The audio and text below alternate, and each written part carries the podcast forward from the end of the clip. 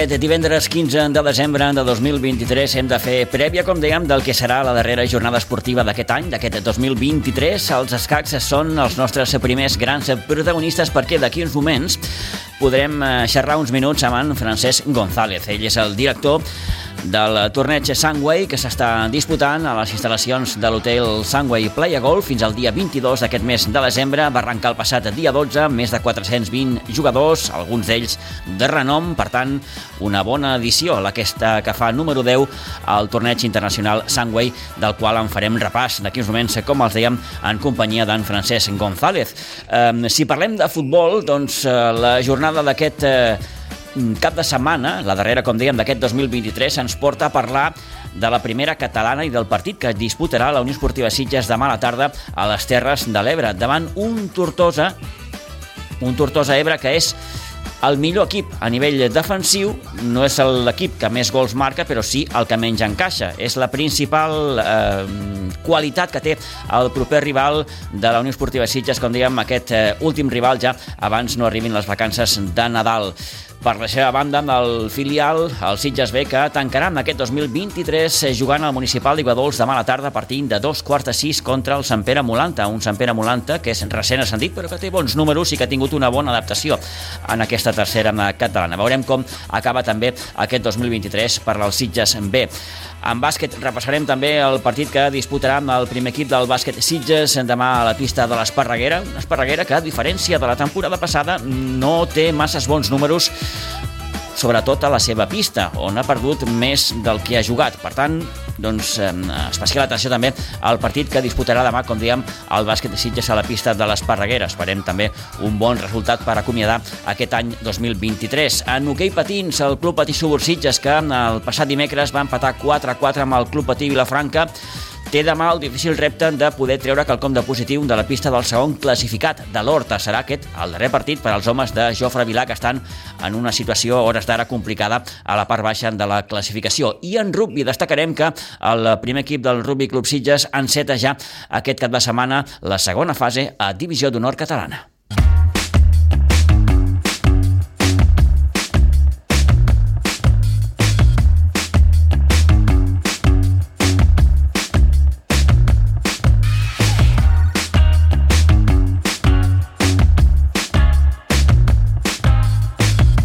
Bé, doncs comencem aquest repàs, aquesta prèvia esportiva del cap de setmana. Com dèiem, els escacs són els nostres primers grans protagonistes perquè el passat dimarts va arrencar la desena edició del Festival Internacional Sunway. Un any més, les instal·lacions de l'hotel Sunway Play Golf acull aquest torneig que ha estat distingit, recordem, 3 anys com el més valorat de tot l'estat. Més de 420 jugadors en noms prou destacats com el del gran mestre nord-americà Leinier Domínguez o el rus nacionalitzat austríac Kirill Alexeyev.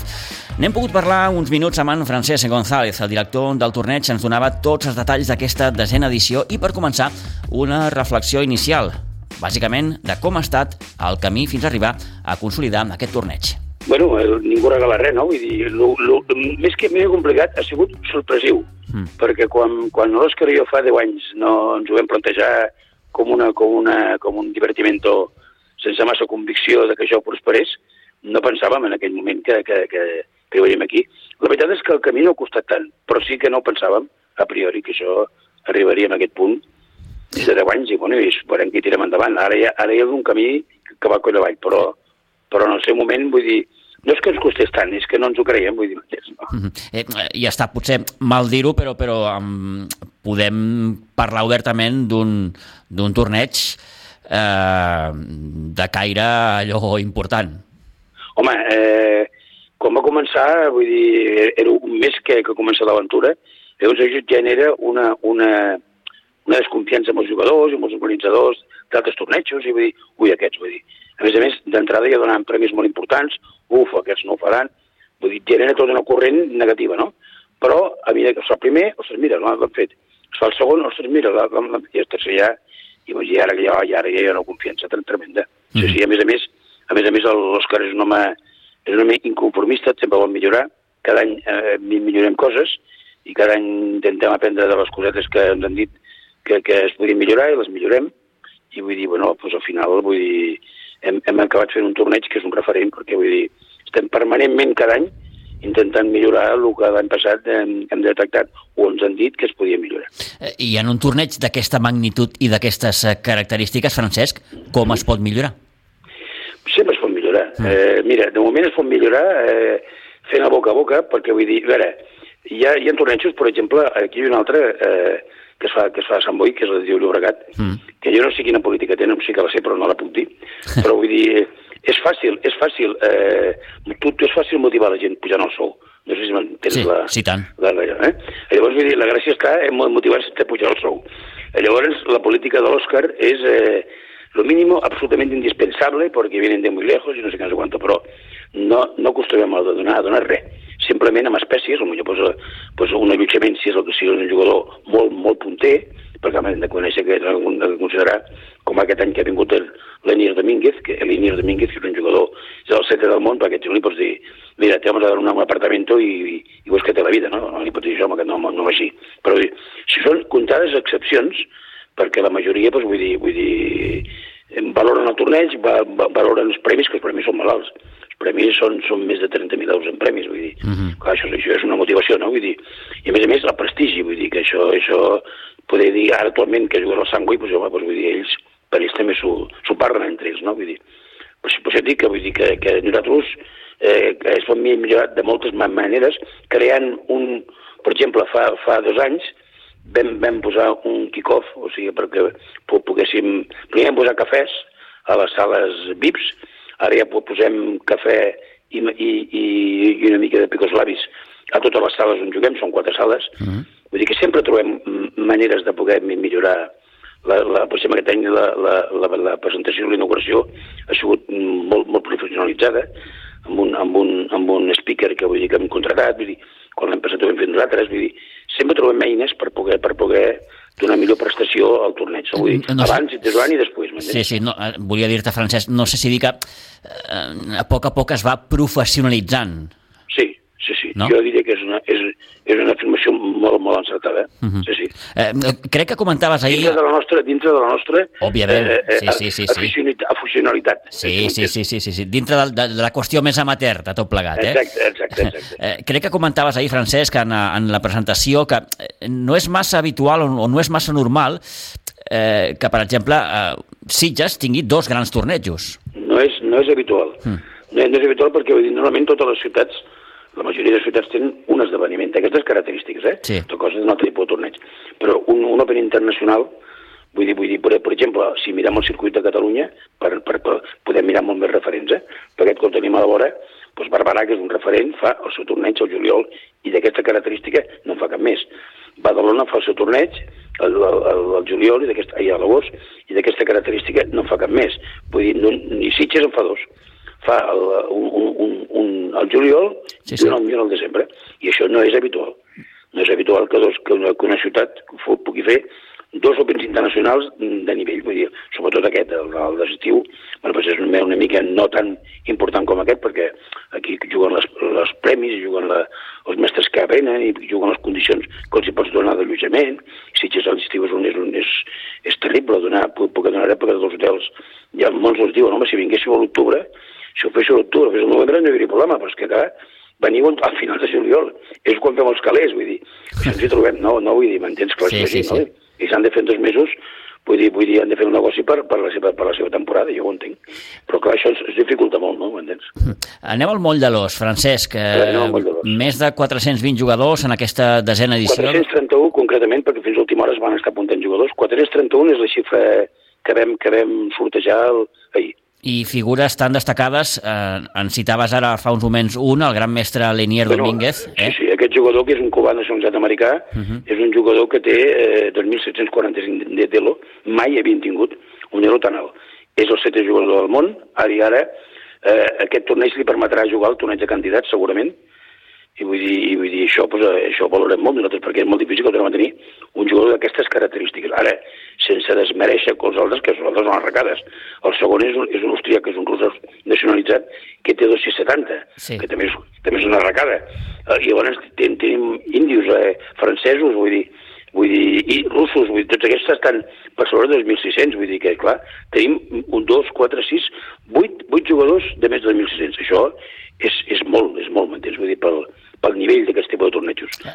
que fem nosaltres, eh? Vull dir, sí, sí, sí, sí, sí, sí. Eh, crec que la penya d'escacs també tindrà la seva representació, oi? Sí, la penya d'escacs sempre, sempre col·labora, mm. col·labora no només a informar la futura, sinó que els jugadors aporta jugadors. Aquest any no massa, perquè vull dir, mira, cada any va com va. Hi ha anys que hem fet més d'una desena, oi? i fins a 15 algun any. Aquest any només en tenim 5, però bueno, eh, d'una manera o altra doncs, la gent col·labora. Aquest, aquest torneig, per, si treballes, és complicat perquè vull dir, clar, eh, ja. comença a les 4 i mitja i, i si no tens jornada intensiva és difícil de que puguis compaginar-te, m'entens? Mm -hmm. és... Això potser explicar que no vinguin tants, m'entens? és la desena edició, com deia en Francesc, eh, sí. dels 10 anys, tu particularment has estat als 10? Sí, jo, jo, jo, jo he estat 25 i 3, 28, perquè la penya em vaig estar 25 uh -huh. i d'aquests 25 eh, cap al final feia dos, el de la penya i el, de, i el del Sangway. I, I després va haver un any que en feia tres, el de la penya, el del Sangway i el de, i el de Formentera, que també és de, és de l'Òscar. Ara actualment en faig dos, el del, el del Sangui i el de Formentera. I perquè la gent... Jo que... porto 25 anys amb aquesta faràndula. Sí, que aviat està dit. Que aviat està dit. Escolta, Francesc, per la gent que ens pugui estar escoltant, eh, sí. ets el director del, del, del, del torneig. Sí, sí. Eh, dels tres tornejos. Sí. Dels tres tornejos. Bueno, ara ja no, del d'estiu no, perquè ara té, li, li vaig cedir la... El Toni, el Toni Ferret, sí, correcte. Ja, sí, sí, sí, sí, sí. un tema de, té una mica de salut i, uh -huh. li vaig deixar el Toni que era per ell. Eh, perquè la gent que ens pugui estar escoltant eh, ho entengui, eh, quina és la feina del Francesc González eh, com a director d'un torneig així, per exemple? pues apagar focs, oh, més que res. Ostres. Sí, jo no tinc, jo no tinc que, que posar cadires, jo no tinc que posar rotxes, jo no tinc que Entesos. posar planilles. Sí. Jo, jo tinc que veure on hi ha un problema i solucionar-lo, aquesta és la feina del, ja. del director del torneig, m'entens? Vull dir, I... tinc que estar voltant i tinc que mirar a veure una cosa que no està bé, doncs, eh, moure, moure qui sigui perquè ho arregli. Vull dir, és un, és un dia a dia que és molt difícil fer, fer-te una llista a priori. I n'has de pagar molts de focs? Eh? Si n'has de pagar alguns, molts de focs. Alguns, alguns. Sempre que pensa que són molta gent. Aquest, per exemple, aquest, el Sangui no és tan complicat perquè el Sangui té una infraestructura d'hotel a darrere i té personal, i aquest personal, vull dir, vull dir ja, ja soluciona molts, molts problemes.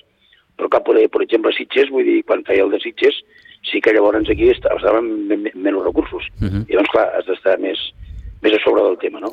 D'acord, d'acord. No oblidem que el festival enguany també acull eh, paral·lelament eh, el sí. Campionat d'Espanya d'escacs llampec per parelles mixtes. Sí, sí, la sí, tercera edició, crec. Sí. Mm, sí, senyor. I una sí, nova edició... De... la Federació Catalana mm. i es fa el Sangway. En el nostre teòric dia de descans que han aconseguit que sigui el dia que tingui més activitats. I era el dia de descans, a priori, m'entens? D'acord, d'acord. I també hi posem aquí el torneig Junior Blitz. Junior, que ja porta bastant, bastantes edicions, crec que són, és la cinquena, aquesta que farem ara. Uh -huh. El diumenge al matí, sí, sí, i, uh, també té molts jugadors, molts juguen al, a l'Open principal, perquè són joves fets aquest any. Tenim tres jugadores, tres jugadors de 8 anys. Tenim un, un singapurès, un de Singapur, una noia nord-americana que l'entrena la Judith Polgar, que, és, que té 8 anys i és una fiera, als 8 anys, perquè l'entrena, bueno, a més a més té unes qualitats, l'entrena Judit Polgar, que és un campiona del món, ser, quasi eterna.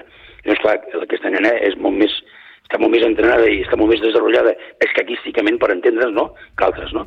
I, després tenim un altre, un altre indi de 8 anys, que no cal que et digui els indis com són, no? Vull dir, sí, sí. Vull dir, si trobes un indi, canvia de carrer perquè, vull dir, és terrible allò, m'entens?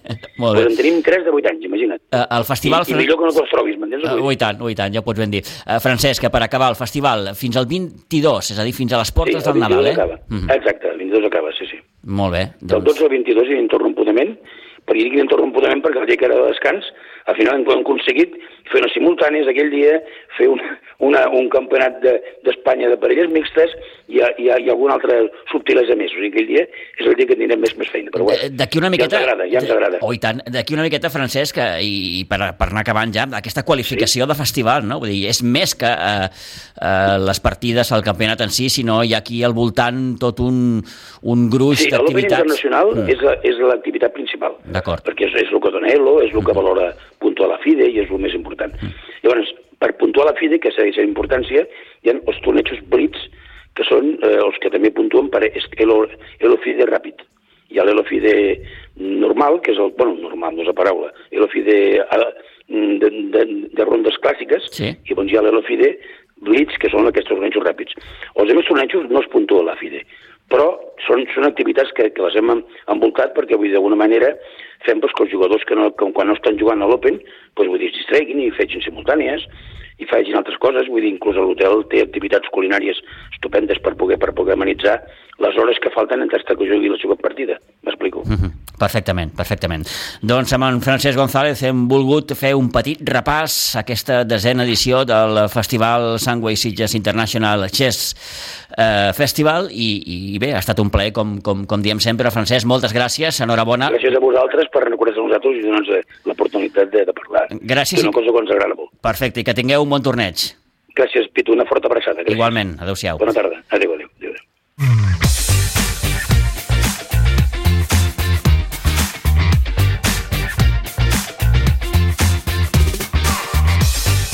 Bé, doncs fins al 22 d'aquest mes de desembre, per tant, fins a les portes del Naval, aquest torneig, aquesta desena edició del torneig d'escacs de la Sangway, torneig, ja podem dir, obertament consolidat eh, com el que més, i, i, i bé, eh, grans partides, eh, les que s'esperen d'aquí fins al final, amb aquests eh, grans jugadors del món dels escacs. Eh, deixem els escacs, anem ja a repassar la darrera jornada esportiva d'aquest 2023. Si parlem de futbol base, a la preferent de juvenils, la Blanca juga demà al Nou Pinsbens davant un nàstic de Tarragona que arriba, atenció, com a tercer classificat. La Blanca que espera poder tancar aquest 2023 amb la bona dinàmica que l'ha dut, per exemple, a poder guanyar els seus dos últims partits. El partit davant el conjunt tarragoní serà, com dèiem, demà a partir de les 7 de la tarda. Per la seva banda, el juvenil B visita demà a un Ribes amb problemes a la part baixa de la classificació. La Blanca ara mateix es troba a dos punts del segon classificat i a tres del líder. El maig davant el Ribes es jugarà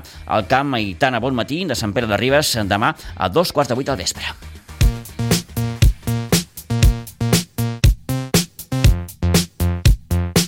I la resta de partits dels equips de la Blanca els en repassem com cada setmana amb l'Isidre Gómez, que el tenim ja amb el telèfon. Isidre, bon dia, bona hora. Hola, bon dia. Um... Es havia apagat, això.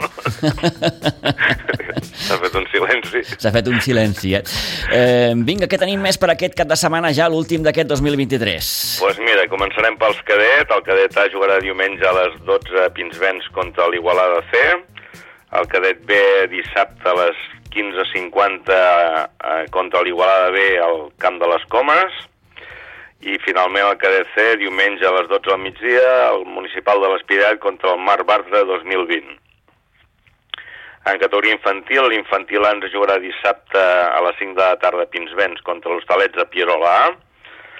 El B també demà dissabte a les 12 del migdia al Municipal de les Cabanyes contra el Cabanyes A i finalment el C diumenge a les 10 del matí a Pinsbens contra el Mar Bartra 2020.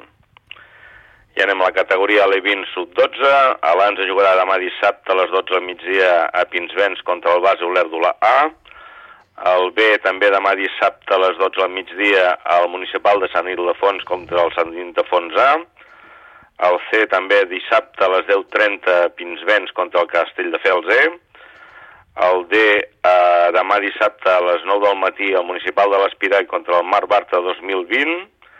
El Suponza a l'A jugarà dissabte a les 12.30 a la Granada. El B dissabte a les 12 al migdia a Pinsbens contra l'Espluguenc B. I anem en categoria Benjamí. El Sub-10 a l'As jugarà demà dissabte a Pinsbens contra el Molins de Reià a les 13.30 el B també demà dissabte a les 9 del matí al Municipal de l'Espiroll contra el Mar Bartra 2020, el C també dissabte a les 9 del matí al Municipal del Papiol contra l'Esport Bassa del Papiolà, i el sub, el sub 9 a l'A jugarà dissabte al Camp del Martorellà a les 13.30, el B també demà dissabte a Pinsbens a les 13.30 contra el Prat AE al C, i finalment acabarà l'any un derbi local de, dels més petits de cada casa, a Pinsbens, el, per Benjamí A i els Sitges A, a les 10.30. Els convidem a... Sembla que serà la primera vegada que aquests dos equips competeixen entre ells i, i com a Liciana juguen quasi, quasi el primer puesto. Bé, doncs un, un, un bon partit per, per, per, com deies, Isidre, tancar en aquest 2023. I també començarem, com sempre, a les 9 del matí amb els partits de, de la Lliga Social que tenim a Pinsbens i bueno, si algú vol acostar-se, que demà diuen que no farà fred. Uh -huh. Aprofitar aquesta temperatura tan benèvola que tenim, ara que, que ens acostem, que estem a les portes del Nadal i també de l'hivern, per tant, bé, doncs eh, aprofitar ara aquest, aquest bon temps. Doncs fins aquí aquest repàs de partits eh, dels equips de la Blanca, en el que faran i els resultats ja els repassarem dilluns de la setmana que ve, com sempre, amb l'Isidre. Isidre, gràcies, bon cap de setmana. Gràcies a vosaltres, adeu-siau.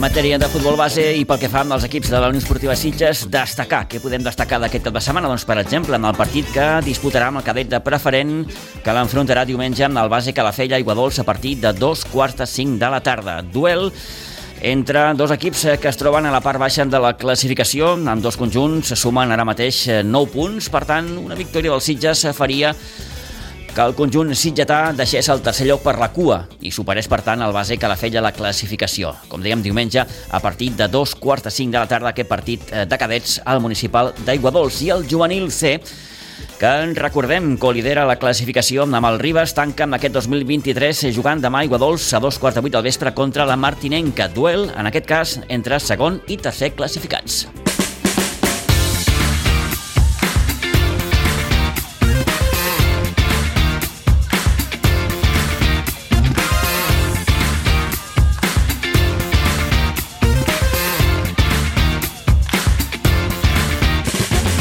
Ara mateix les 11 i 12 minuts del matí a primera catalana, la Unió Esportiva Sitges tanca amb aquest 2023 jugant a les Terres de l'Ebre. Ho farà demà dissabte a les 5 de la tarda al camp d'un Tortosa Ebre que suma els mateixos punts i té idèntic nombre de victòries, empats i derrotes que els de Toni Salido. Estem parlant del millor equip en defensa, només s'han encaixat 8 gols, però per contra és un equip que eh, marca poquets gols. De fet, n'ha fet 12, és el segon pitjor equip en aquest apartat, per darrere només dels 11 que ha marcat el Sarrià. Toni, bon dia, bona hora. Bon dia, bon dia. Un equip defensivament potent i ofensivament potser més justet. Sí. Si fem cas als números, eh? Sí, sí, sí. Eh, és no una... l'hem vist jugar, per tant, no, no. no tenim més referència que el que diu ara mateix la classificació. Un equip que està empatat amb els Sitges gairebé a tot. Sí, Sí, és un equip que la seva virtut és, és aquesta, no? que defensivament és un equip que treballa molt bé, que no li fan gols, i que ells tampoc marca, però el suficient és eh, al no encaixar, doncs eh, assegurar-se punts. Eh, no és un equip eh, que estigui ara passant al millor moment, però és un equip que mantén sempre doncs, la mateixa línia des de que va començar el campionat. Uh -huh. És un equip molt a tenir en compte, és molt difícil sumar allà, eh, el Sani de Fons aconseguia un empat, eh, eh, i el Sitges té que anar, com a mínim, assegurar-se alguna cosa, no? perquè ve de perdre el camp del Sani de Fons. Sí que és cert que queda potser una miqueta lluny en el temps doncs, aquesta derrota que va batir l'equip al camp del Sani de Fons per, per, per 2 a 1, i bé, ja parlàvem en el seu dia, Toni, de l'exigència del calendari, eh, estem a poquet ja d'acabar, de tancar la, la, la primera volta, tindrem el parèntesi de Nadal aquí enmig, eh, però l'exigència del calendari, repeteixo, dels Sitges, que és llàstima, no? La derrota amb el Senyor de Fons, si tu ara fas un repàs, home, si pots anar amb el de Fons i perdre, però potser les sensacions que va oferir l'equip eren molt millors del resultat que finalment es van dur.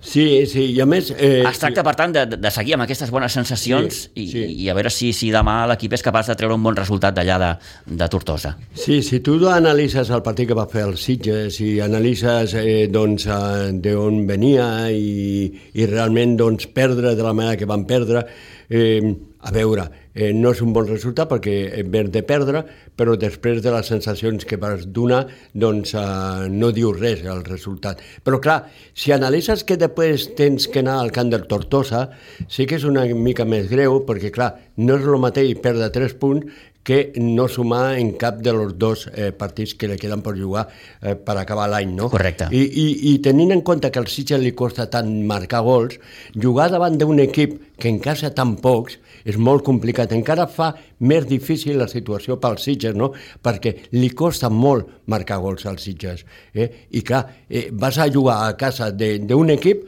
doncs, que ha encaixat tan sols 8 gols i que és molt difícil. Sí que potser una miqueta el dèficit que ara té, ara mateix té l'equip, com, com dius, Toni, és una miqueta doncs, aquesta efectivitat, no? Aquesta... Clar, Clar, és allò.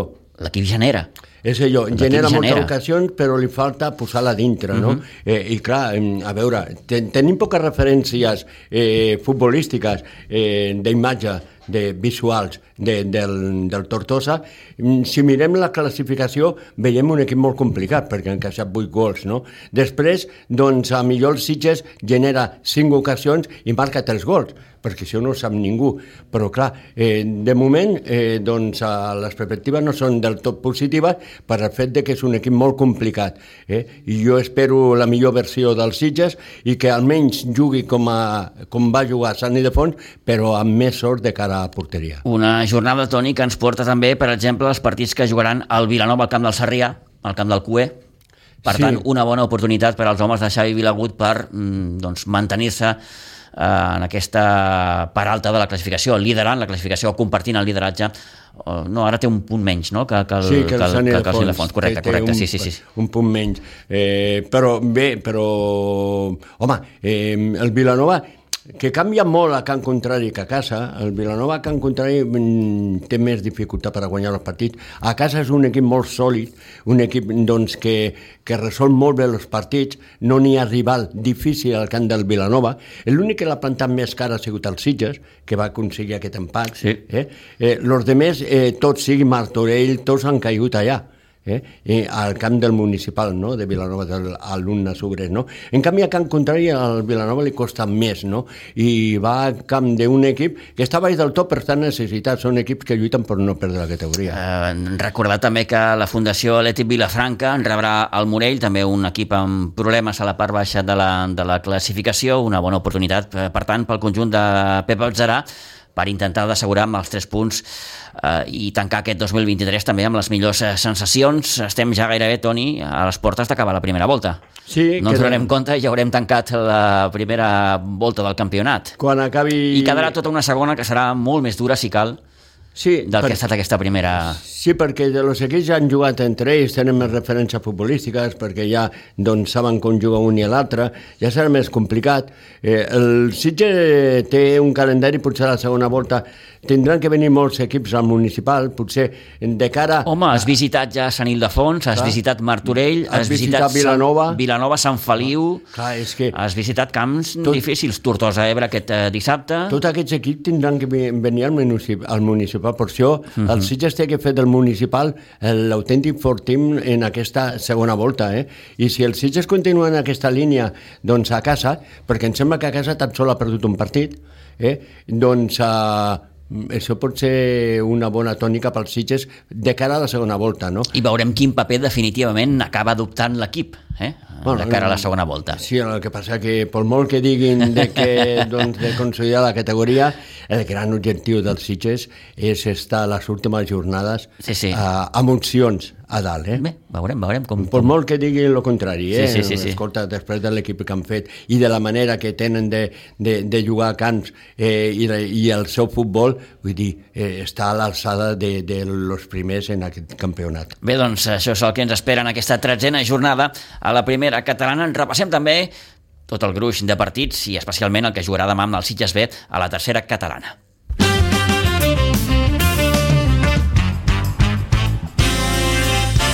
perquè el Sitges B acomiada l'any jugant demà a dos quarts de sis de la tarda a Iguadols davant el Sant Pere Molanta, el recent ascendit Molanta que ha tingut una bona adaptació en aquest primer tram del campionat, eh, ja que hores d'ara té 21 punts, un menys que el Sitges, i és sisè a la classificació. Però parlem, si fem cas als seus números com a visitant, d'un equip poc fiable fora de casa, ja que ha perdut 5 dels 6 partits que ha disputat. Només està capaç de guanyar al camp de les Cabanyes.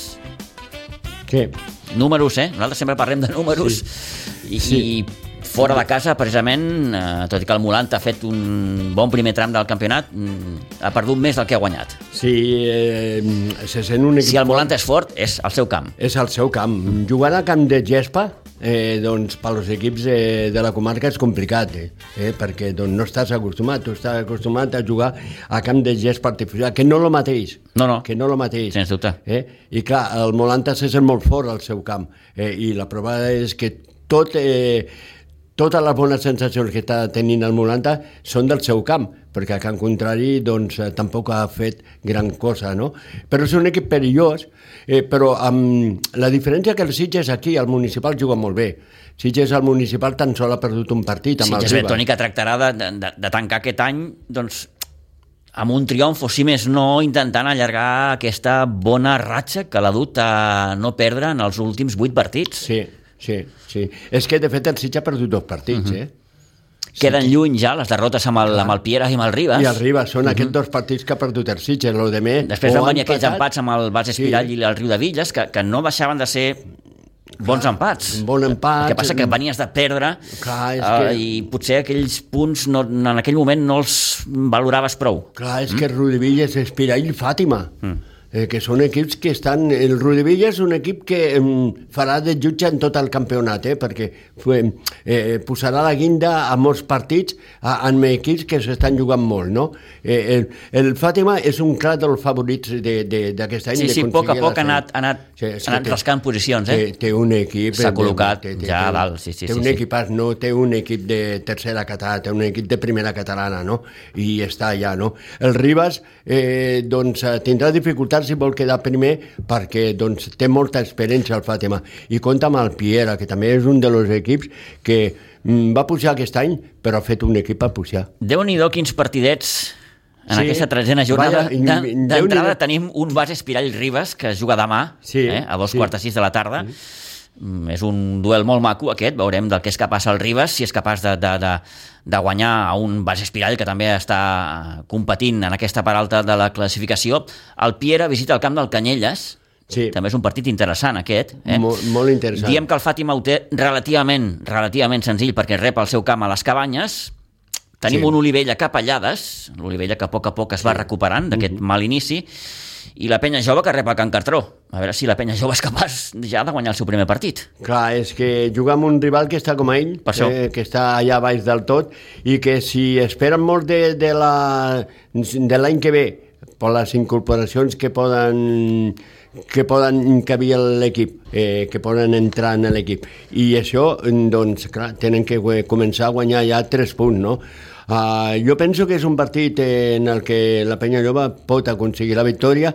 A mi no me desagrada aquesta penya jove, però mm, li falta gol. Uh -huh. I falta gol i fer aquí i, i té aquesta angoixa de, de, de saber que és cué i que, Ah, i que, no que, que no ha guanyat partit, encara eh? que, que Ha partit guanyat- i és, empatat dos partits és un dèficit que, que s'arrossega i molt al conjunt de les Roquetes. Demà, com dèiem, aquí a Iguadols, aquest Sitges B Sant Pere Molanta per tancar ja aquest 2023. I si parlem de bàsquet, el bàsquet de Sitges que tanca aquest any visitant demà una de les pistes més complicades, com és la de l'Esparreguera, on, per cert, la temporada passada va jugar, si no el millor, un dels seus millors partits. Una Esparreguera que en aquesta temporada mm, no està precisament amb bons números, ja que a hores d'ara presenta un balanç negatiu de 4 victòries i 5 derrotes. Del que portem de temporada, l'Esparreguera ha perdut 3 dels seus 5 partits que ha jugat fins ara a la seva pista. El partit es jugarà demà dissabte partint de les 4 de la tarda.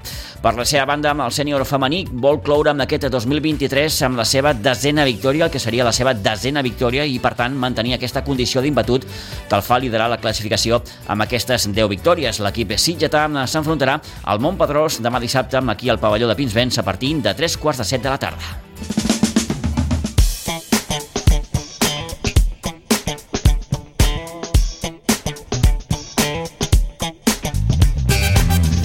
I el Rugby Club Sitges que inicia en aquest cap de setmana la segona fase en la divisió d'honor catalana després de tancar la primera fase en la segona posició amb un balanç de 5 victòries i només l'única derrota contra el Químic. Els sitgetans s'enfronten demà ni més ni menys que el vigent campió, a l'Andorra en rugby.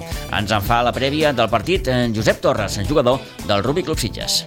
Bon dia. Sí, demà el Rugby Club Sitges, a l'equip primer equip, el sènior, comencem la, la segona fase, la Lliga, que ens vam classificar a la divisió d'honor catalana, al màxima divisió de rugby a Catalunya, ens enfrontem contra el vicecampió, que és l'Andorra, en aquest cas. Per tant, serà un gran partit, on, on serà, tot i que sigui dur, serà un partit molt divertit, on es podrà veure molt bon rugby, sobretot per part nostra, després de, de de tota la temporada entrenant a les ordres de l'Isaac i amb el qual ens veiem molt forts després d'això, de, d'estar, de veure cada partit millora, millora millora mentre anava passant la primera fase de, de la temporada, amb el qual, com ja va comentar el, el nostre company Víctor, que no només el nostre objectiu és estar aquí, sinó és guanyar la categoria com, com ja vam fer una vegada. Tot i això, demà coincideix que, a part de que sigui un gran partit, també és un gran dia, perquè en el club fem el dia del club, ja que ho anem fent de manera anual. I, per tant, a, a, ens reunirem moltíssima gent, tots els socis, tots els familiars, jugadors, antics jugadors, per passar tot el dia. Per tant, animo a tot, tota la gent del poble que es vulgui passar, es pot passar, sempre té les, les portes obertes i el partit comença a les 3. Per tant, hi haurà un ambient brutal, al qual tothom és benvingut i podrà veure sobretot gran rugby i també un gran ambient on s'ho podrà passar molt bé i és un gran pla per passar en família. Per tant, com torno, com, com he dit, animo a tothom que vingui a donar suport amb aquesta fase de, que s'inicia de la segona fase a Divisió d'Honor Catalana i amb el qual tenim molta projecció. Per tant, animo a tothom a veure bon rugby. Bé, doncs, com ens apuntaven Josep Torres, en Rugby Club Sitges, Andorra Rugby, demà al polivalent de Pinsbens a partir de les 3 de la tarda. No pot haver millor partit per acomiadar amb aquest 2023.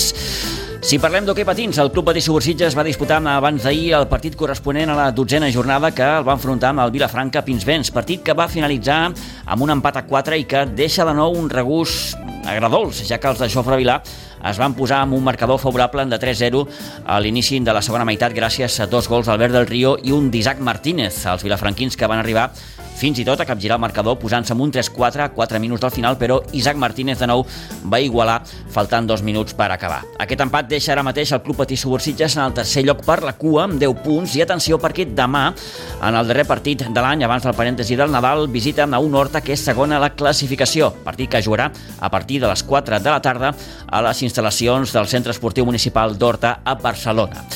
I acabem amb una mica de poliesportiu perquè a la Lliga, per exemple, de la segona divisió de futbol sala, el primer equip del futbol sala Sitges tanca aquest any visitant la pista de l'actual líder, el Sala 3 Gavà. El partit es disputarà diumenge, dia 17, a dos quarts de vuit del vespre, a la pista coberta de l'escola Marcelí Moragas de Gavà. Per la seva banda, l'equip cadet té, recordem, partit aquest diumenge de Copa Catalunya. S'enfrontarà al Castelldefels a Pinsbens a partir de les 4 de la tarda. I acabem amb hoquei herba perquè, d'una banda, L'equip dels Papis juga amb aquest diumenge a les 12 del migdia contra línia 22. Ho farà com a local, però jugant a Terrassa, concretament a l'estadi Martí Colomer. I per la seva banda, l'equip de les Mamis, eh, l'equip de les Mamis Vermell, jugarà diumenge a dos quarts de sis de la tarda contra el Castelldefels al camp de la Via Fèrrea. Acostant-nos ja el punt de dos quarts de 12 del matí, deixem ja la prèvia d'aquesta última jornada esportiva del 2023 i d'aquí moments ens hi posem ja amb la tertúlia.